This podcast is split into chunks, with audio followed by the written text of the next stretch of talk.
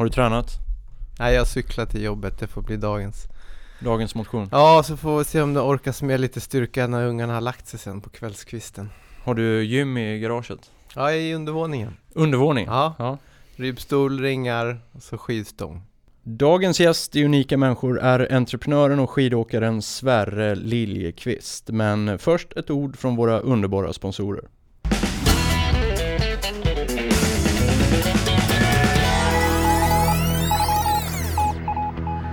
Unika människor presenteras av Compressport. Kompressionskläder av högsta kvalitet. Som lyssnare får du en rabatt på compressport.se med koden UNIKA. Välj Compressport för snabbare återhämtning, förbättrad prestation och för att förebygga skador. Vitamin Manager du är fortfarande unik och ditt kosttillskott kan också vara det. Använd koden 2017 för din första leverans för 95 kronor. Buff på köpet till alla nyteckningar på rabattkoden. Välkommen till vitaminmanager.com. Apollo Sports är Sveriges största arrangör av träningsresor och erbjuder träningshotell för alla intressen och nivåer. Kolla hashtaggen Apollo Sports för senaste update på Instagram. Superfruit, Nordens ledande varumärke inom naturlig och ekologisk supermat och raw foods. På superfruit.com får du som lyssnare 20% rabatt med koden GOJI. Tack för att du lyssnar. Nu kör vi!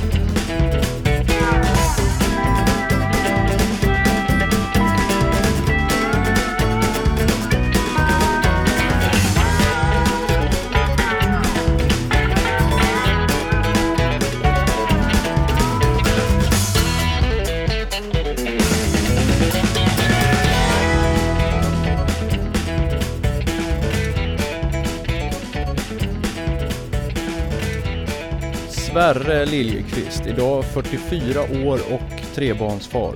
Entreprenör och skidåkare i själen. Ni kan ha sett honom som utmanare i Gladiatorerna eller i någon av de många skidfilmerna som han har gjort. Han har också varit omslagspojke till massor av skidmagasin världen över.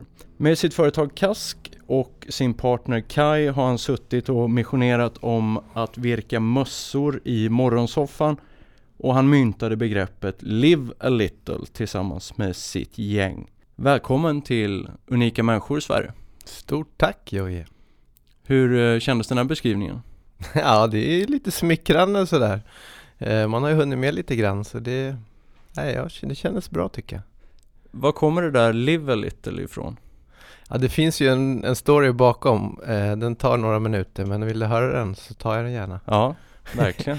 Ja men vi hade ett gäng eh, som spelade in skidfilm tillsammans och startade ett eh, litet filmbolag som hette Swedish Posse. Mm.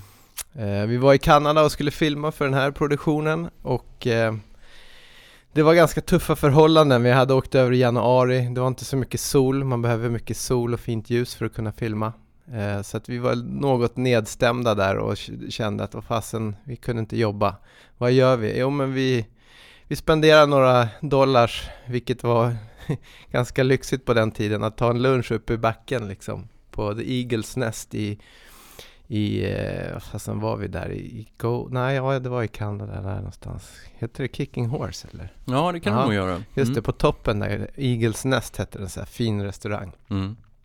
Så gick vi in där och slog på stor lunch liksom.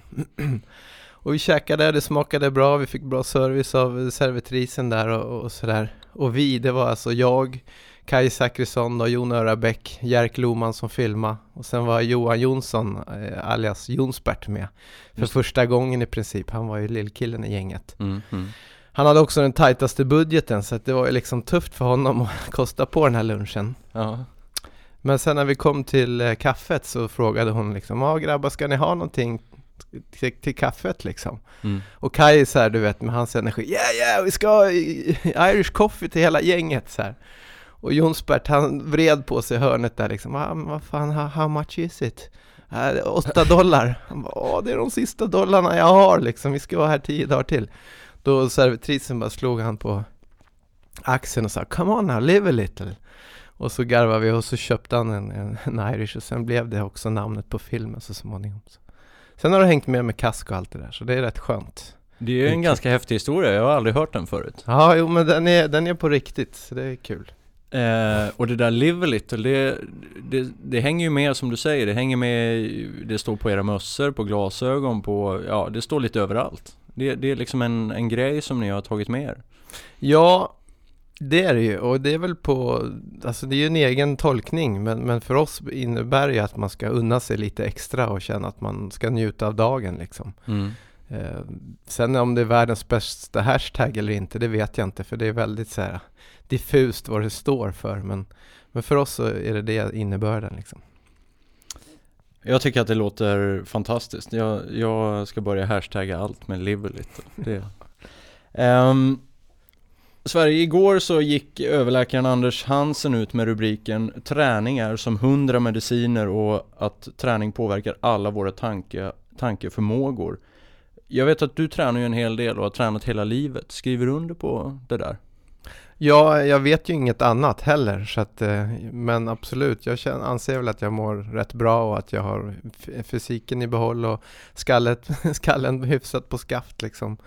Så att jag är övertygad om att han har rätt att fysisk aktivitet, sen vad nivån är, det är väldigt individuellt tror jag, men mm. att man gör någonting liksom.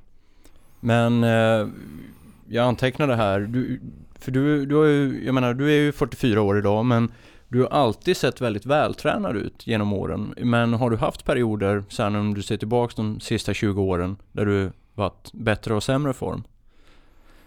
Ja, eller går det i omgångar på året? Eller? Ja, men det var väl när man höll på med racing. Min bakgrund är ju i skidåkning i mm. racingvärlden så att säga. Då var man ju ganska trött liksom på att ha kört stenhårt. När jag körde som mest var det ju liksom ja, 11 pass i veckan från mitten på sommaren fram till säsongen drog igång och sen var det ju tävlingar varje helg och allting. Så då fram i maj sådär, man kanske hade ont någonstans och kände att ah, nu behöver jag ta ett par tre veckor off.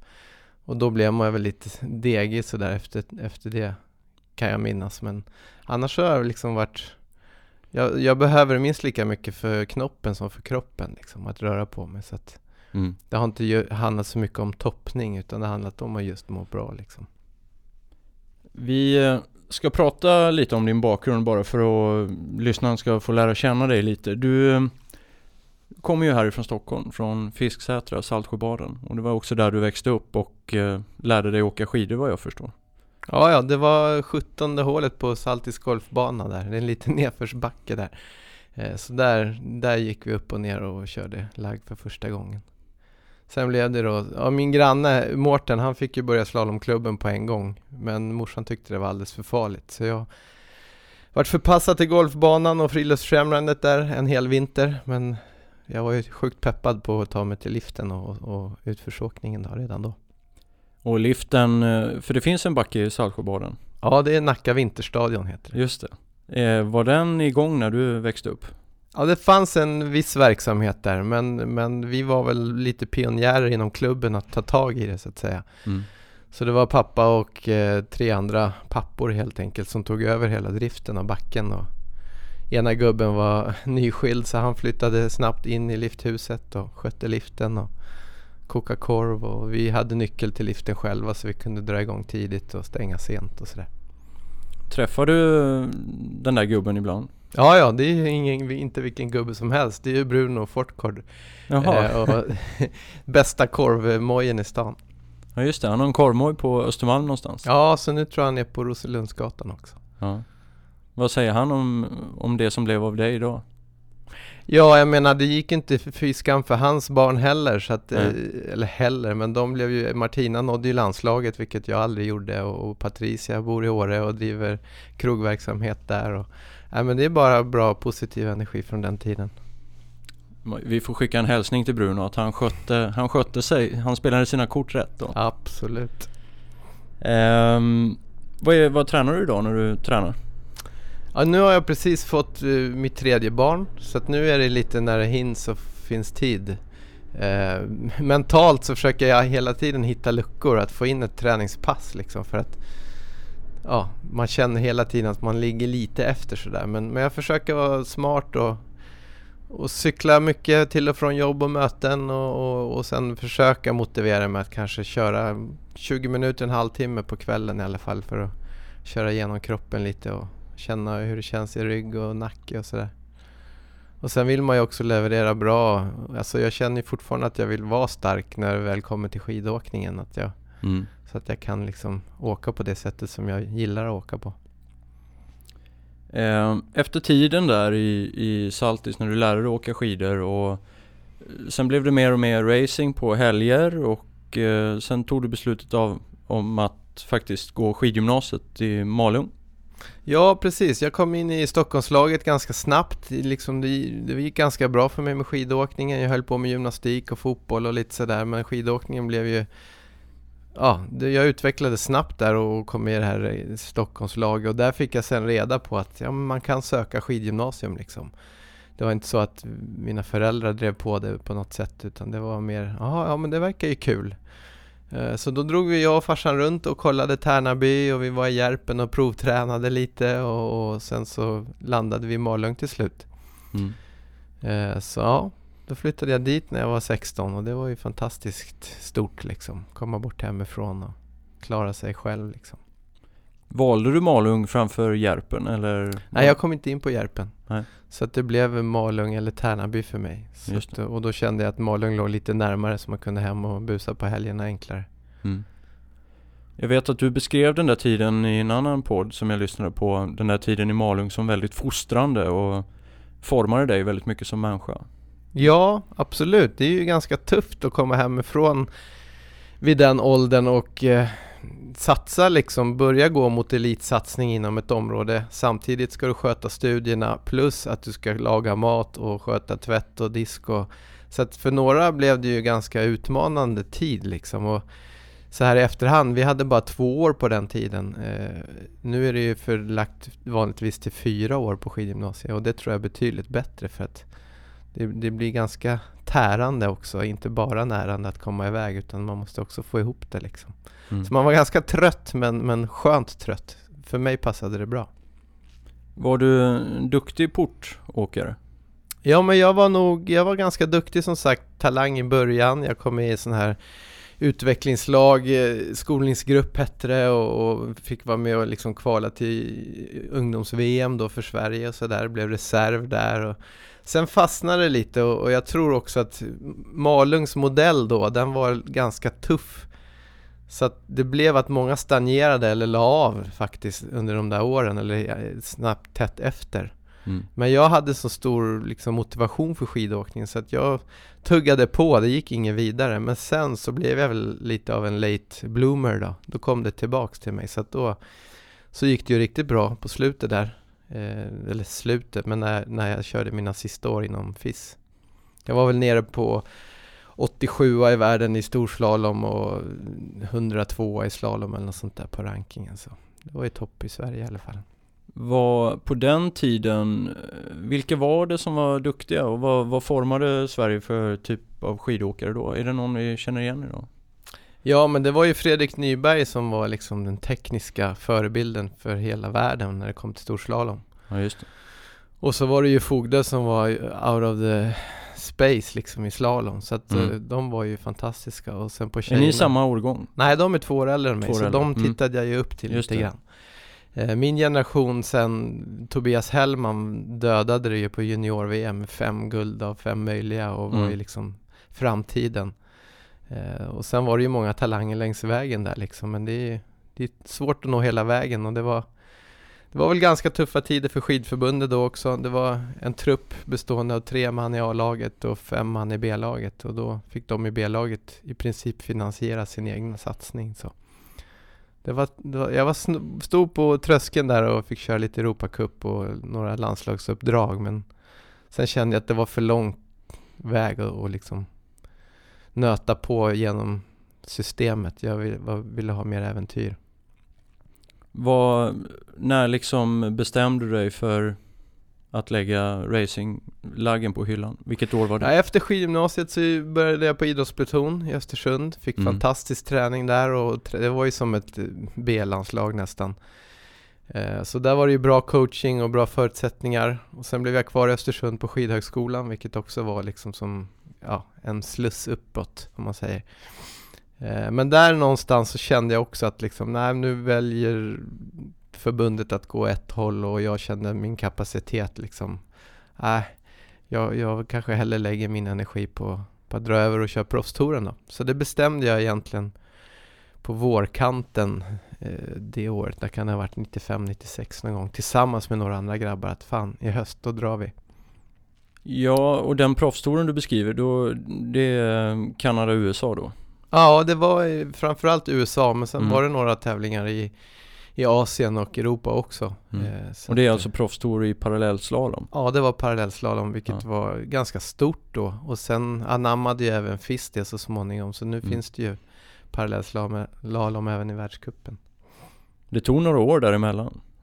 Ja, alltså FIS var inte så jävla glada på våran organisation för vi drog ju mycket sponsorer och det var ett bra jippo liksom. Ja. Och de kände väl att de hade missat det lite. Så att jag minns när vi var i, i Kitzbühel och tävlade kvällstävling där en gång i målhanget på störtloppet så hade de satt upp en parallellslalombana. Kvällstävling, det var liksom sån jävla bra stämning och kul ja. och positiv energi.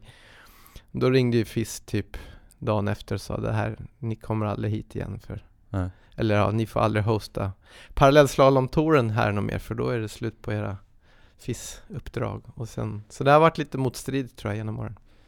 Ja, och jag som är gift då med en före detta alpin skidåkerska som också har varit väldigt duktig i parallellslalom just. Hon har ju mm. vunnit stora sådana parallellslalomtävlingar i världen. Men Eh, jag vet att det har varit mycket snack kring parallellslalom, men nu verkar det som FIS lite anammat den där grenen och, och tagit den under sina vingar och, och tycker att ja, men det här är kanske något vi ska hålla på med, för det här är spektakulärt, det drar folk och sponsorer och man kan använda korta backar och man kan bygga en backe i city till och med. Ja, ja precis. Man når ju ut och det, det behöver ju de verkligen att liksom attrahera kanske en lite ny målgrupp och få det som ett, mer som ett jippo. Jag menar det förtar ju inte prestationerna på något sätt.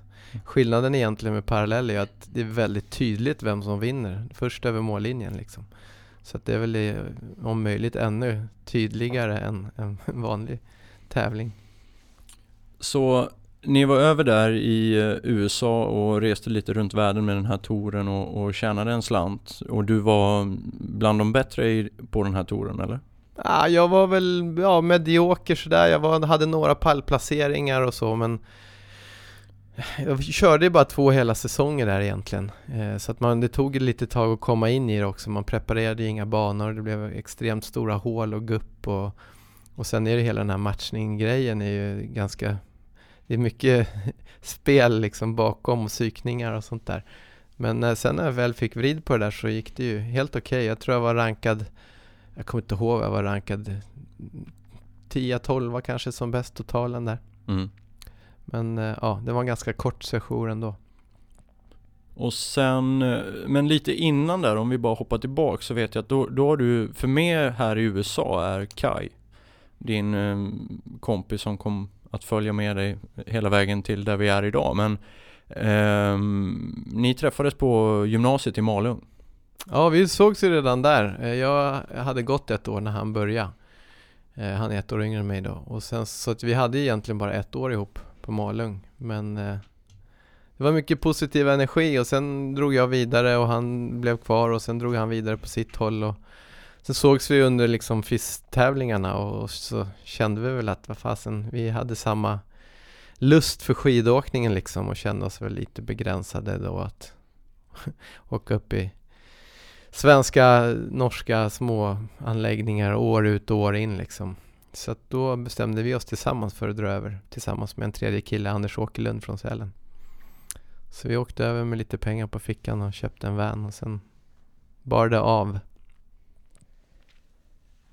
Och när ni väl bestämmer er för att ah, men nu är det slut på det här eh, liksom eh, torandet i USA och kuskandet runt om i världen med det här parallellslalomköret så, så ser ni er om och kommer till Sverige igen.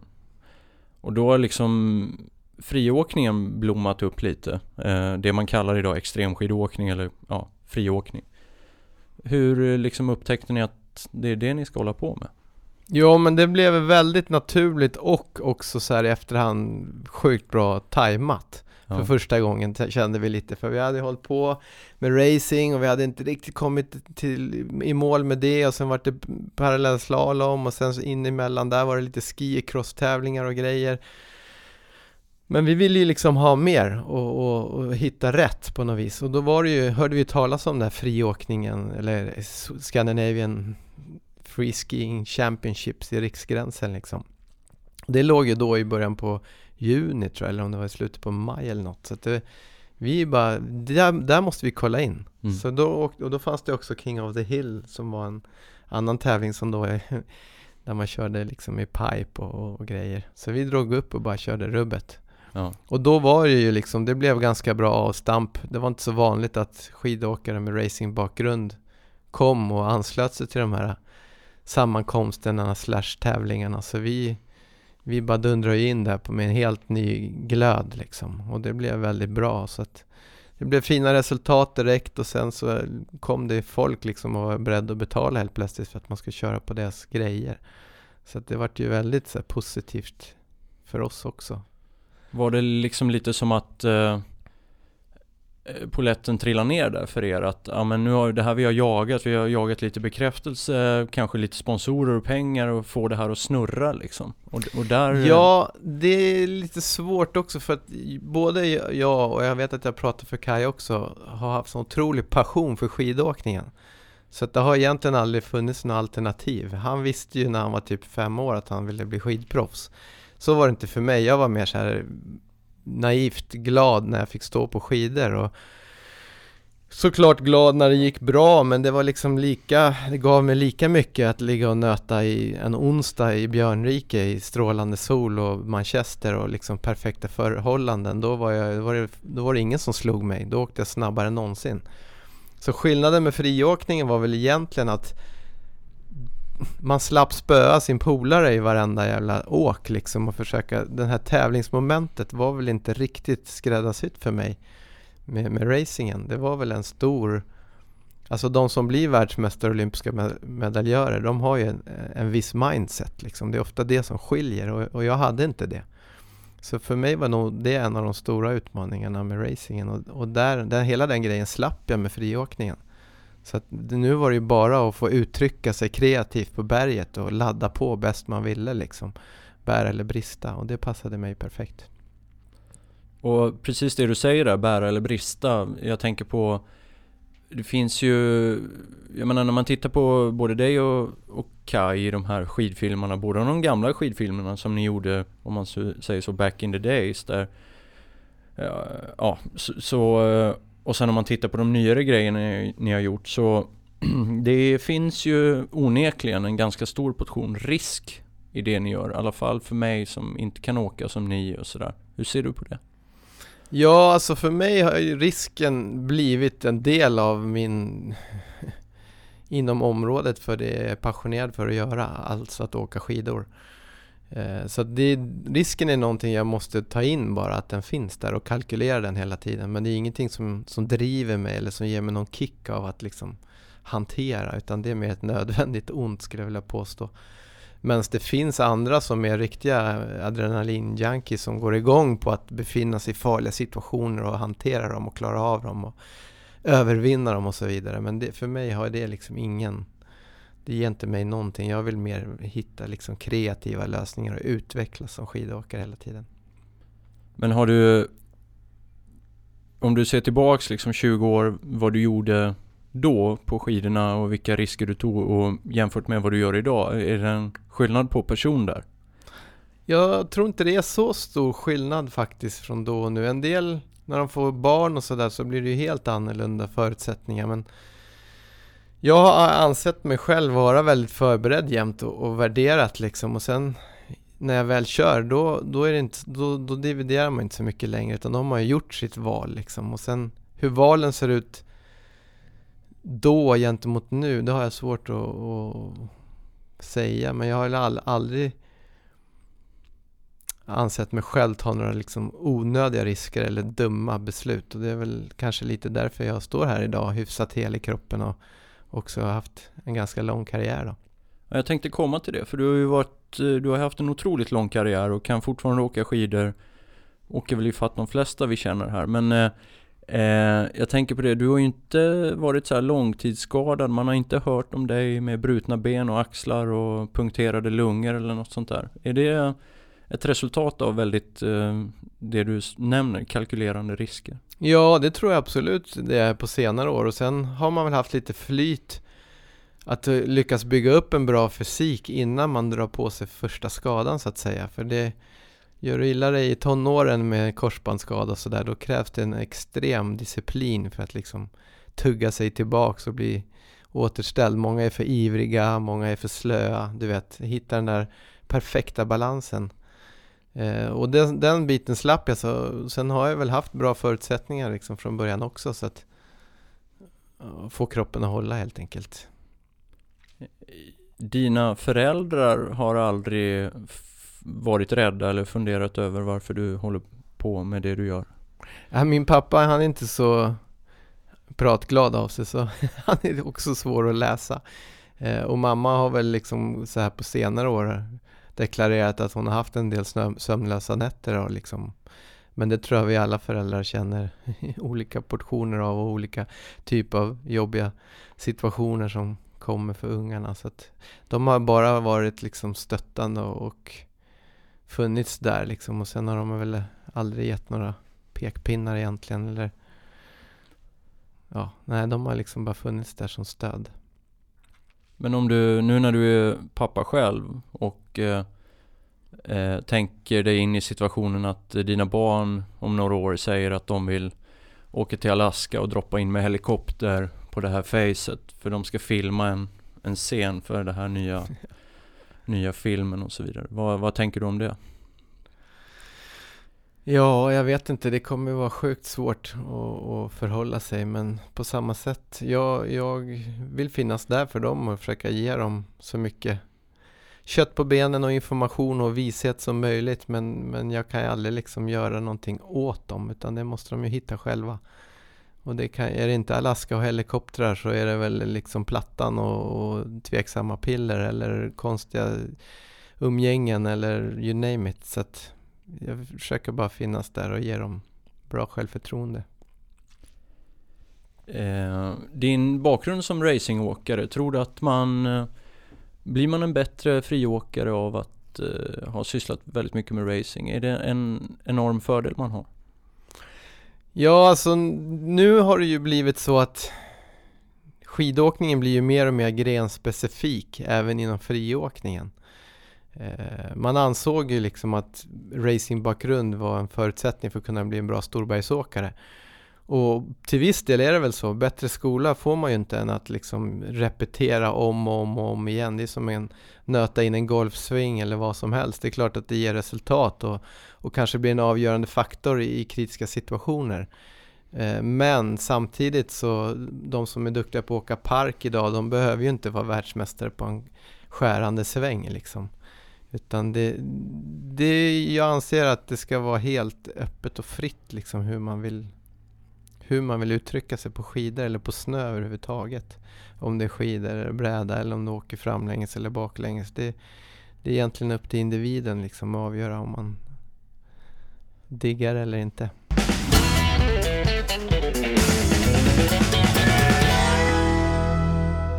Det finns ju ett klipp på dig på Youtube som eh, jag har tittat på inför den här intervjun där eh, du tävlar i en tävling som heter Skiers Cup och året är 2013 om jag inte minns fel och eh, du lyckas, du är inne mitt i ett fint åk och sen lyckas du slå loss en liten lavin som jag förstår. Men du har fortfarande fokus på linjen och sen så gör du en bakåtvolt typ över eller mitt i den där lavinen och det där klippet blev ju väldigt omtalat. Eh, det blev en extrem viral succé och ni kan söka ni som lyssnar på typ Sverre Backflip Avalanche eller något sånt där så kommer det här klippet upp. Det är ganska spektakulärt klipp. Jag hade inte sett det innan jag började researcha lite.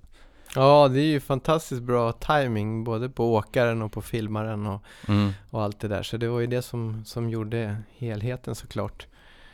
Eh, Skiers Cup är ju ett event som jag och Kai har startat och, och eh, liksom äger fortfarande konceptet. Så det var ju väldigt kul att det var en av oss som också lyckades få den här eh, exponeringen då i samband med tävlingen. Eh, och sen är det väl, ja det är ju häftigt när det går, blir ett drev liksom. Den här gången var det ett positivt drev och det var för en relativt liten sport. Men på, på några timmar så hade det varit liksom två miljoner nedladdningar och Ja, det ringde folk från LA och Tokyo och skulle ha med en i morgonshower och så vidare och det är klart att det, det var en häftig grej att vara med om. Är du medveten om när du åker det där åket vad som händer bakom dig? Eller, eller liksom, vad, minns ja, du? Ja, men om vi ska gå tillbaka till det där med risk lite grann så, så var vi medvetna om att det gick en hel del fickor som det kallas. Det här var inte någon lavin i den bemärkelsen utan det är små partier som släpper liksom och det var... Var är vi någonstans i världen? Ja, vi är i Zermatt, mm. i en dalgång bort mot Sinal-området nästa dag om man säger och eh, vi har tittat på det här facet då som det kallas, det här berget tillsammans med guider och, och kalkylerat riskerna och, vi har både guider och läkare på start och i mål och så här. Och, ja, vi beslutade oss för att köra tävlingen och det, det är två åk per gubbe så det är ett antal åk som ska göras på den här sidan och det släpper hit och dit och lite grann men det är under kontroll liksom. Men det är klart att ju längre dagen lider och ju mer sol det blir ju mer exponerad blir ytan som vi åker på. Sen efter det där åket så vet jag inte, jag tror de körde någon åkare till. Sen beslöt de ju för att stänga det då. Mm. Så att, eh, ja det var lite på gränsen den där dagen. Du var ganska glad när du kom i mål där? Ja just det, jo men ja, det var, jag uppfattade ju inte riktigt vad som hände just det åket. Eh, jag märkte ju någonstans när jag landade att det var lite väl mycket snö runt om mig liksom, mer än vanligt. Men då var ju åket i princip över så att eh, det var ju mer när jag hörde liksom responsen på folk där nere och vände mig om och tittade upp och såg att det var ju fan ingen snö kvar på berget liksom. Mm. Då förstod jag att det hade varit ja, lite utöver det vanliga då.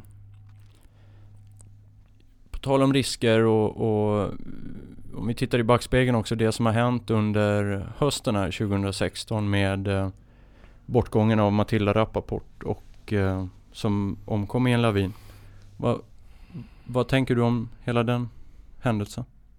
Ja, alltså det var ju borta i Chile och jag egentligen inte vill inte uttala mig om vad de hade för förhållanden eller vad de hade för setup överhuvudtaget där borta men det är klart att det svider extra mycket när det är någon som är nära och, och det blir mer påtagligt. Vi hade Andreas Fransson året innan som också var en bekant som också var i Chile och försvann eh, snabbt. Men ja, varje person har ju sitt eget öde och, och med Matilda var det ju extremt tragiskt med hennes livssituation och, och allting runt omkring. Så att, ja, det kändes lite som att det var nog liksom. Nu har jag förlorat tillräckligt med folk, nu vill jag inte vara med längre. Det var ju den spontana reaktionen. När du nås av den nyheten, något sånt som har hänt. Minns du var du befann dig då och vad, vad som går igenom dina tankar? Ja, extremt tydligt. Eh, jag var med min svåger eh, Henke Winstedt då och vi hade sommarledighet tillsammans och han känner ju Matilda ännu mer och har gjort extremt mycket tillsammans och sådär så att det var liksom helt overkligt. Jag får knottra på armarna när jag bara försöker tänka vad som gick genom våra huvuden då men ja, vi höll ihop och kramades och höll tummarna men med den knappa informationen vi fick så förstod vi att det var det var mer eller mindre kört liksom. Mm. Och sen så nåddes vi då av det slutliga beskedet två dygn senare. Och tidigare, ett år tidigare då, Andreas Fransson som gick bort också. Påverkar det här dig på något sätt när du står på berget och tittar och funderar liksom, ska jag göra det här eller? Ja, nu har jag inte åkt skidor eh, direkt efter att eh, Matildas bortgång liksom, så att det får vi se. Eh, men återigen så det är klart att man kanske blir ännu mer eftertänksam och, och framförallt så tänker man lite på det här att man också är en förebild liksom för yngre förmågor och hur fasen man ska förhålla sig till det och, och, andra föräldrar som kanske ifrågasätter liksom det du var inne på tidigare att deras barn ska ut i, i det här. Eh, så det, det är klart det är mycket tankar och det men samtidigt så tror jag inte på det här med förbud och att liksom förhindra folk att göra det de passionerade för. Det, då är vi liksom, då är mänskligheten på väg åt fel håll på något vis. Men vad är det då med skidåkning som är, om du skulle försöka beskriva det liksom, eh, vad är det som är så vad är det som är så stort i det där att man inte kan sluta med det? Ja, jag vet inte. Jag tror att det är så liksom komplext. Att det är extremt tekniskt. Alltså du kan ju fila på din teknik in i det sista. Det är extremt fritt att du kan uttrycka dig precis hur du vill och, och förhålla dig till de förutsättningarna som råder. Eh, det kan vara dåligt väder, det kan vara bra väder, det kan vara klippor, det kan vara flackt. Det finns liksom ingen hejd på, på de olika alternativen. Det är extremt individuellt i, i, i kritiska situationer. Du måste ha, det är ditt beslut som är helt avgörande liksom.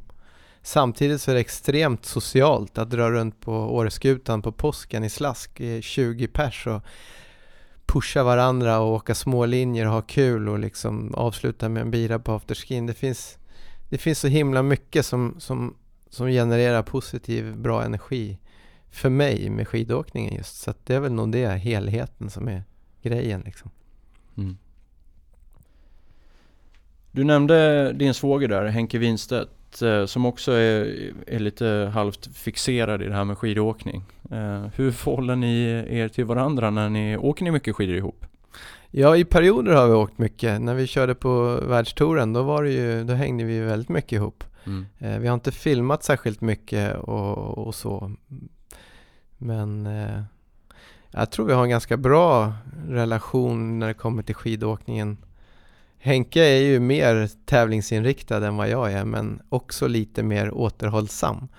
Så att om han hade varit lite mer galenpanna då hade han ju varit liksom en ikon. Mm. Jag säger inte att han inte är det idag men han har alltid varit väldigt safe om man säger. Mm. Då kan ni förstå hur duktig han är liksom egentligen. Eh, men det är det som är så också så härligt att det finns liksom utrymme för alla, alla tänkbara personligheter. Och jag är väldigt glad att, att vi har varandra och, och i många situationer och sådär. Kul att åka skidor ihop. Mm. Ja, det förstår jag. Nu tänkte jag att vi skulle byta ämne. Mm. Nu ska vi prata om entreprenören Sverige. Så nu får du byta caps, eller mössa.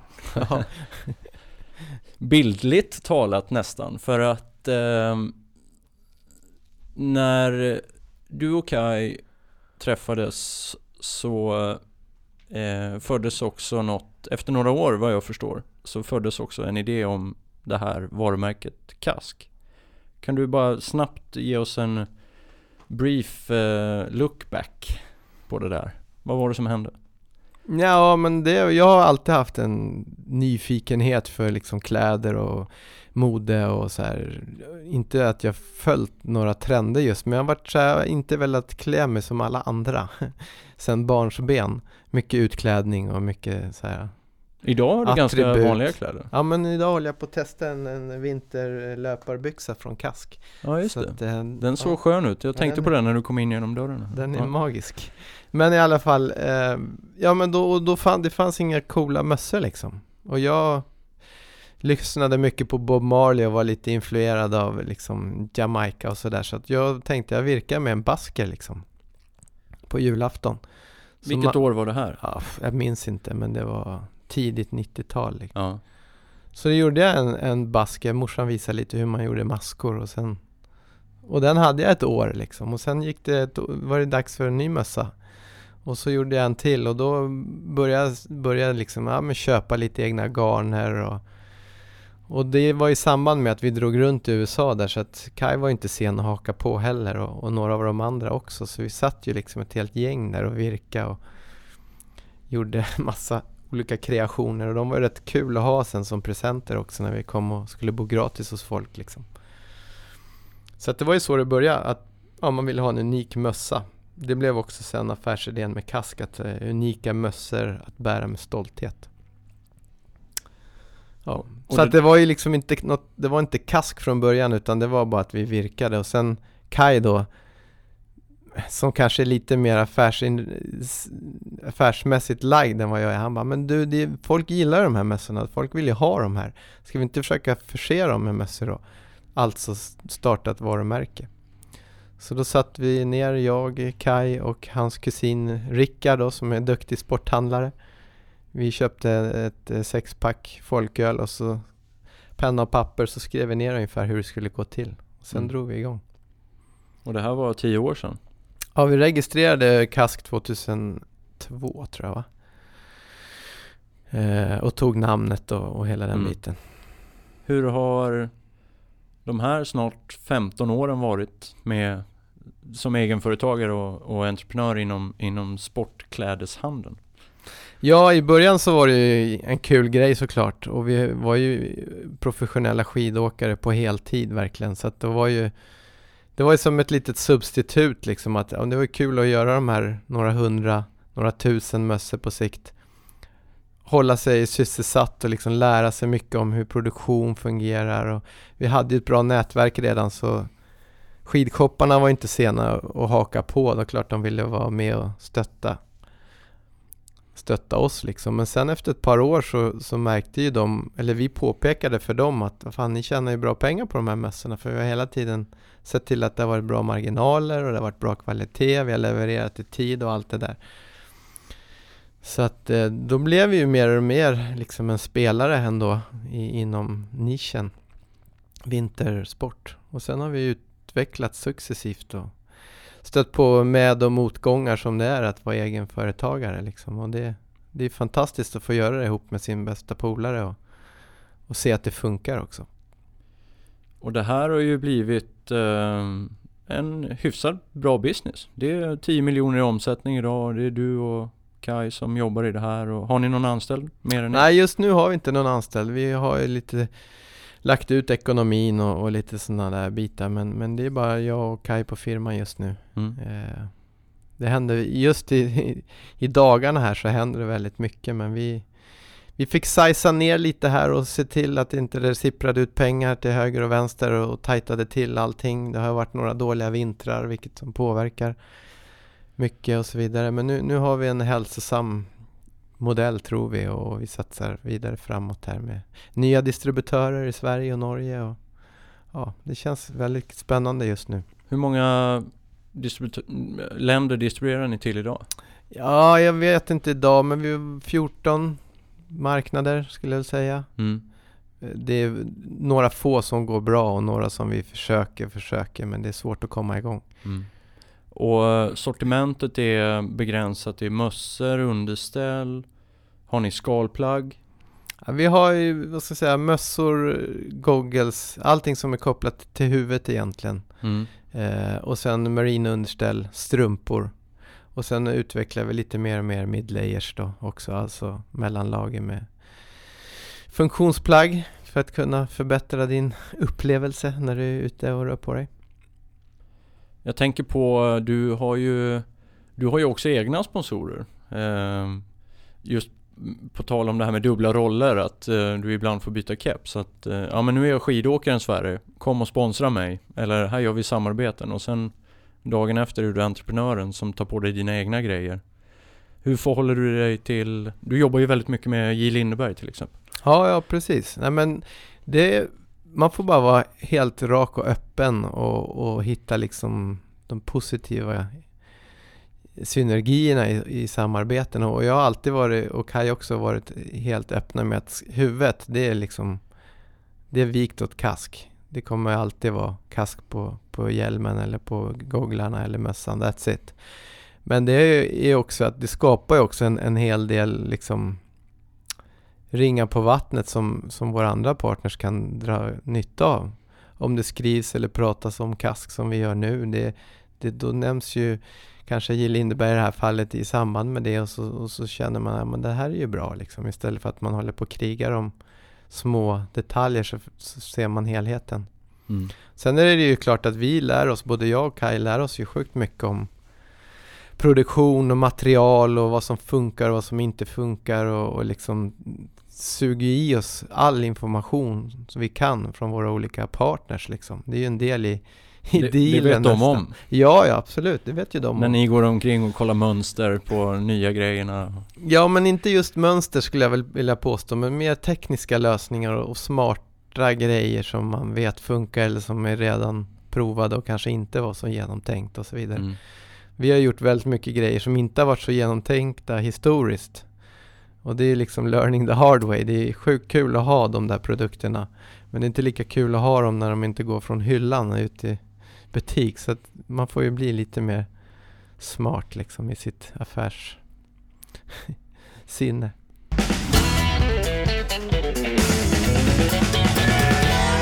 Eh, så det är Kask och Kask drog ni igång för länge sedan. Men eh, det var ju också så här att när ni åkte skidor på professionell nivå så började ju ni filma väldigt mycket själva och blev liksom lite era egna mediakanaler istället för att lita på ja, att, att vara med i andra filmer och exponeras genom tv-kanaler eller vad det kan vara så valde ni att, ja men vad fan skit i dem, vi gör egna filmer. Får vi dem precis som vi vill ha dem och så använder vi våra namn och, och nätverk för att sprida det här.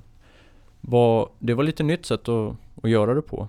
Ja, då var det ju verkligen det. Då var det ju liksom då ville ju alla vara med i stora produktioner, that's it. Det var ju så man gjorde sitt namn och, och blev stor. Och det hade väl att göra med att det var, krävdes sjukt mycket jobb för att få till en, en hyfsad produktion. Liksom. Idag med tekniken och allting så är det ju lättare och det ser man ju med Youtube-kanaler och alla har ju sina egna segment liksom.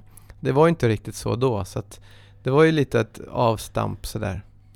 Eh, och det var väl i början så kände vi liksom att vi, vi var så ivriga, vi, var så, vi ville så mycket och vi var ett gäng liksom. Vi ville skapa själva. Eh, jag, Kai och Jon, vi ville åka skidor liksom hela tiden. Och sen hade vi en kompis, Jerk, som var gammal snowboardlandslagsåkare. Han fick jag upp passionen för att filma och fota. Ja, men då gör vi det själva och sen hittade vi bra produktion och, och liksom började jaga in lite stålar och ja, fick snurr på det. Så att så här i efterhand så, vi gjorde fem filmer på fem år. Det var ju helt overkligt egentligen hur vi pallade med det. Och lyckades få med oss folk liksom. Och vi tjänade ju inte en spänn på det direkt men vi fick ju bra, bra vintrar, sjukt mycket roligt och, och bra fester, releasepartyn och, och sponsorerna var ju nöjda och vi var nöjda. Och, ja, det var ju lite speciellt. Sen käkade väl det upp oss lite i slutändan att vi kände att liksom någonstans måste vi landa och liksom njuta. Det blev mer och mer av ett jobb i slutet. Så att, mm. ja, naturligt skulle jag vilja säga. Men kronjuvelen av allt det där, vad ni lärde er eller det som kom ut av det, som jag ser det, som tittar lite bakifrån och utifrån. Det var ju den här sista filmen ni gjorde, den här dokumentären. Eh, Träbon Ekip. Eh, vad, är, det, är det så ni ser det också? Att det var liksom det här? Det var egentligen en annan produktion. Det var ett eh, produktionsbolag, Pixel, eh, ja. som kontaktade oss mer eller mindre. Eller vi snackade ihop oss med dem om, ska vi inte göra en, en dokumentär? Det, det, finns ett intresse för det här. Eh, och de var positiva. De ville gärna göra det med att sätta ett manus och, och göra alla intervjuer och filma och producera helt enkelt. Mm. Och jag och Kai såg till att finansiera det hela. Ja. Eh, har ni så, finansierat det? Ja, vi ni drog, drog in sponsorerna ja, ja. och fixade och, och den här filmen kan man ju hyra idag på On Demand. Man... Ja, jag har faktiskt lite dålig koll var den finns men det var ju Pixelkillarna där ganska tydliga med att de ville sköta distributionen. Mm. Eh, jag hade gärna sett att den hade nått bredare, eh, vilket jag tycker allt material ska göra idag liksom. Mm.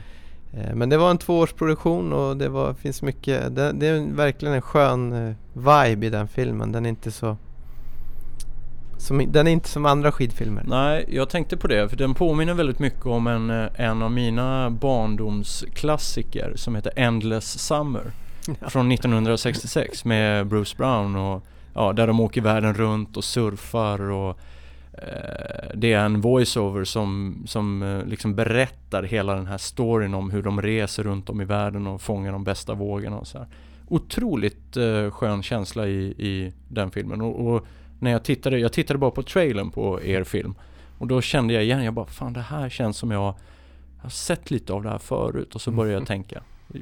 Håller du med? Ja, nej men absolut. Den är väldigt snyggt filmad och bra musik och liksom genomarbetad, det skulle jag vilja säga. Sen mm. hade vi ju sjukt mycket material och vi var ju ändå tvungna att banta ner det liksom för att kunna hålla en röd tråd i det. Så att, det var ju väldigt mycket vi matade igenom, gammalt material blandat med nytt och sen alla intervjuer och för att hålla en röd tråd i det så var det mycket som fick klippas bort också då. För det finns ju en väldigt bra medial story eller en röd tråd i det här. Dels eh, så är det skidåkning, det är två vuxna killar som eh, virkar. Eh, det är ehm, mycket garv, mycket skratt, det är kamratskap och, och sen det här entreprenörskapet då. Det är en ganska bra det är en ganska bra Hollywood-rulle om man skulle göra en feelgood-film. Ja, är du sugen? så kör vi. Nej men absolut, det, det finns många bra in ingredienser där. Lite nerv och lite så här Verkligen. tankar bakom liksom stora åk och stora händelser och sånt. Så Mm. Absolut. Och vi får se om eh, vi kläcker någon idé för någon lyssnare här. Eh, vi ska prata om ett annat entreprenörsspår som du har valt och det är det här Skiers Cup. Vad, berätta, vad är det för något? Ja, det var ju också en grej som växte fram. Eh, faktiskt. Så satt vi och diskuterade det. Jag hade lite samarbete med Riksgränsen för länge sedan. Och då kände vi liksom att det här vore ju sjukt kul att få hit liksom världseliten och göra någonting kul, ett roligt event. Hur skulle man göra det? Vad är det som lockar med Sverige? Ja men det är ju ljuset på våren och så här. Ja men hur skulle man ju kunna vad, vad, vad finns det för, för format, format idag liksom? Ja men det är ju de här tävlingarna, men tävla inom friåkning, jag vet inte, det är lite så här kluvet. Och, så kom vi på liksom att golfen då och Ryder Cup är liksom också en sammansättning av väldigt många starka individer som kör sitt race. Det ser kanske inte skitkul ut alltid, eller som om att de har så himla roligt. Men sen en gång om året så sätts de ihop i matchracing. Och då helt plötsligt så kommer det liksom hundratusentals åskådare, de tillåts skrika och heja, det high-fivas hit och dit och det blir värsta röjet liksom. Då känner vi det där måste vi applicera på skidåkningen för att just det här med att man är i sin lilla bubbla, men vad fan, det blir ganska mycket press på en också då till slut, när man ska Mm. leverera och leverera själv hela tiden. Men om man är del av ett lag, kör sin match och sen är det över, sen hejar man bara på de andra liksom. Så det var ju grundtanken och sen snackade vi om att vi skulle haft segling här i Stockholm och sen dra upp till riksgränsen och så vidare. Men det var då idén kläcktes. Och sen så gick det några år och vi kände väl att fan det är en bra idé men det krävs lite för att få nivå på det. Så då kontaktade vi en kille som heter Nicola Hellwood som är grundare och driver Freeride World Tour idag. Och sålde in det på honom och sen så startade vi bolag tillsammans och eh, drog igång. Och nu har vi kört eh, sex år i rad. Och när och var på året går det här? Ja, vi började första gången i Chile på sommarhalvåret då. Mm. Eh, för att få dit bra åkare och inte liksom peta i deras tävlingssäsong och så vidare. Så det var en av anledningarna. Eh, och sen så, ja vi körde två år i Chile och sen fick vi ett bra kontrakt med Zermatt. Så då kom vi till Zermatt och kunde bjuda till lite mer, du vet. Det är inte sådär jätteflashigt att vara skidproffs alltid men, men på Skiers Cup då fick man i alla fall bästa boende, bra käk, heliskiing och liksom det här konceptet Skiers Cup det var verkligen för åkarna. Mm. Och sen gjorde vi en produktion på det varje år och, sådär. Så att, nej, det har blivit väldigt väl mottaget. Vi har ju fått dit de största liksom. Mm. Så det är kul och bra. Men är det en medial grej mer än vad det är en publiksport på plats så att säga? Eller både och?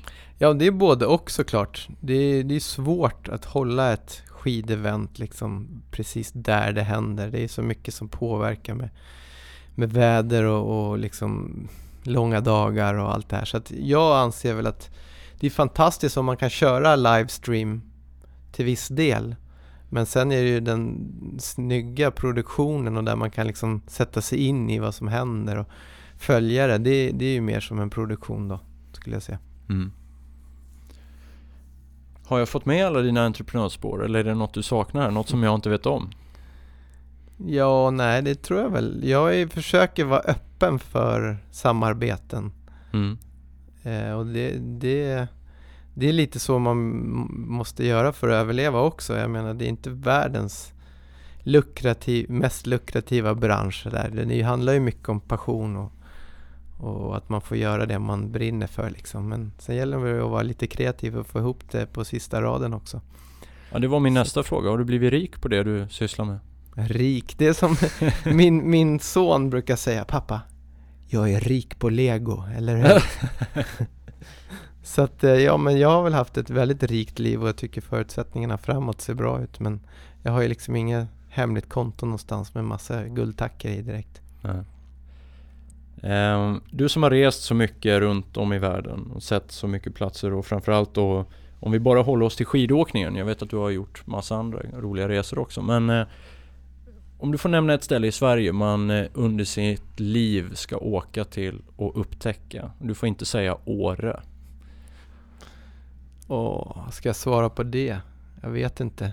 Vi har ju inga berg i Sverige ens. Nej, men, ja men typ. Kommer kungen ringa och vara ledsen på dig? Ja, alltså vi hade ju Norge en gång i tiden. Eh, nej men, eh, oj vad svårt. Finns det ingen liten sån här håla som du känner, fan här, här är det jävligt gött att vara?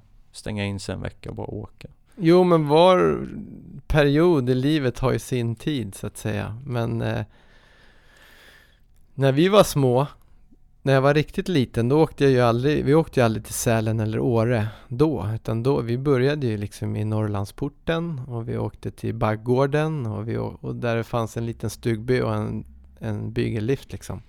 Och det tror jag gjorde hela grejen för mig, att man liksom kände sig att man var kung, av, kung på berget. Mm. Man var inte rädd att åka vilse i något skidsystem, det var inte massa coola typer överallt, utan det var verkligen det du säger, man kunde götta in sig med familjen liksom.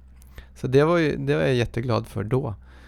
Eh, men sen var ju Åre fantastiskt. Vi var mycket i Åre och jag har liksom släkt i släkten där uppe och syrran bor där nu och jag hoppas att jag kommer kunna åka skidor där med mina barn liksom snart och deras kusiner och så vidare.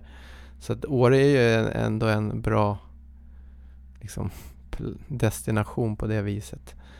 Eh, riksgränsen är ju unikt. Man hatar riksgränsen, älskar riksgränsen. Mm. Man har fantastiska minnen och upplevelser där men också haft liksom riktigt långa, tråkiga, tröga veckor där.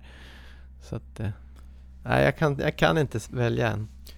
Men, och då kommer nästa svåra fråga. Det är om vi blickar ut i världen. Vad, vad väljer du då? Du får välja ett ställe som du... Om du, om du ska ta en vecka, bara vara ledig och åka skidor med Kai till exempel. Vad åker ni då? Ja men då åker vi Då tar vi en eh, flygbiljett ner till Genève och sen kollar vi vädret Var det har snöat. Så drar man dit. Ja. Eh, Man kan ju även ha möjlighet Att åka till Kanada och hänga ut på en lodge. Det är lite mer riskigt, det kostar skjortan. Eh, Men man kan ju ha den bästa åkningen Någonsin men det kan ju också vara dåligt. Det är ju mer ett satt datum liksom. Men Kanada är ju fantastiskt på det viset. Jag har varit i Mica Creek några gånger. Det tycker jag är helt magiskt. Dit skulle jag gärna vilja åka igen. Mm. Samma med Stellar Helly. Det är också schysst format och, och haft väldigt kul där. Är det så här när man åker till Alaska eller Kanada så här om man ska åka stora berg och flyga massa helikoptrar så har man bokat allt det här och sen kommer man dit så bara är det skit liksom. Får man ångest då? Alltså jag har ju aldrig åkt och betalat själv. Nej. För jag har inte, det finns inte med... Förstår du folk som gör det? Ja, alltså jag först kan man ju tycka vad man vill. Jag, man bor på den här lodgen, jag är där och jobbar och åker skidor. Det är ju mitt yrke liksom. Jag vet att killarna som sitter vid bordet bredvid, de, de pröjsar en hundring för att vara här. Ja. I fem dagar liksom. Det kan man ju tycka, vad är det för jävla människor liksom? Det är helt galet. Men vänder man på steken, det är väl helt fantastiskt att de väljer att sticka iväg och åka skidor med sin farsa eller sina bästa kompisar. Mm. Du vet, har de möjligheterna, varför inte? Det är ju återigen, de är ju passionerade skidåkare precis som jag. Sen vad, hur fet plånbok man har eller inte, det ska man inte ha att göra med tycker jag. Ja, de sitter inte där med Jonsberts eh, sparkonto som han hade när ni skulle ta in de där drinkarna. Nej men vissa ställen där är, det attraherar ju de som har råd helt enkelt och vissa ställen är det ju tvärtom. Så. Men det är samma passion för skidåkningen. Mm. Ja, då fick vi svar på det också. Eh, framtiden då Sverre, om vi bara blickar framåt några år, vad, vad har du i kikan? Ja, det, just nu är det ju mycket kask och mycket barn och, och sen få ihop det med skidåkningen så att man ändå får kvalitet på, på skidåkandet liksom. Så mm. det, är, det är ett pussel. Eh, det är klart att man skojar lite och liksom tycker att man börjar hamna i någon form av vardag och sådär och, och jag trivs ganska bra med vardag. och Jag gillar Stockholm. Flyttat hem liksom och landat i det lite grann så då, då kan man ju planera sina äventyr lite bättre och veta lite mer framförhållning sådär var man, var man tar vägen för att få ihop eh, det hela. Men i vinter ska jag till Stellarhelg och åka skidor en vecka i januari. Det blir superhärligt. Eh, det är ett gäng, ganska stort gäng med olika bra typer som gillar att åka skidor och lite nätverkande för mig och, och sådär och det känns jättekul och inspirerande. Sen så kommer jag och Kai ha en, en, en toppturscamp med utguiden i Stranda i februari. Så att om någon är pepp på det så kolla upp, det finns nio platser kvar. Var anmäler man sig på det? Ja, jag vet inte. Det är väl genom Uteguidens. Eh, de har ju både på Instagram och okay. hemsida. Uteguiden är norskt eller? Ja, det är faktiskt en svensk kille som heter Oskar Almgren. Okay. Som har dragit igång guidebyrå där och det går som tåget. Det är mm. duktig, duktiga killar och fantastisk miljö verkligen. Mm. Så det är väl de två stora grejerna som jag planerar för och sen eventuellt så ska jag ner med J. Lindeberg till St. Moritz. De sponsrar ju alpina VM där. Då blir det väl mer att hänga runt och åka skidor med lite kunder och mm. leva det goda livet och heja på svenskarna. Låter som en eh, skön vinter. Eh, tack så jättemycket för att du kom till Unika Människor och man följer väl dig ganska bra i sociala kanaler? Eh, eller hur? Jag försöker. Absolut, jag försöker hitta ett, ett, ett, hyfsat flöde. Men jag finns på Instagram och, och Sverre Lilje, men sen också Cask of Sweden då, såklart. Just Tack för att du kom. Tack själv. Du har lyssnat på podden Unika människor med Jojje Borssén i samarbete med Compress Sport, Vitamin Manager, Apollo Sports och Superfruit. Glöm inte att ge podden ett betyg i iTunes. Sprid podden genom hashtaggen unika människor.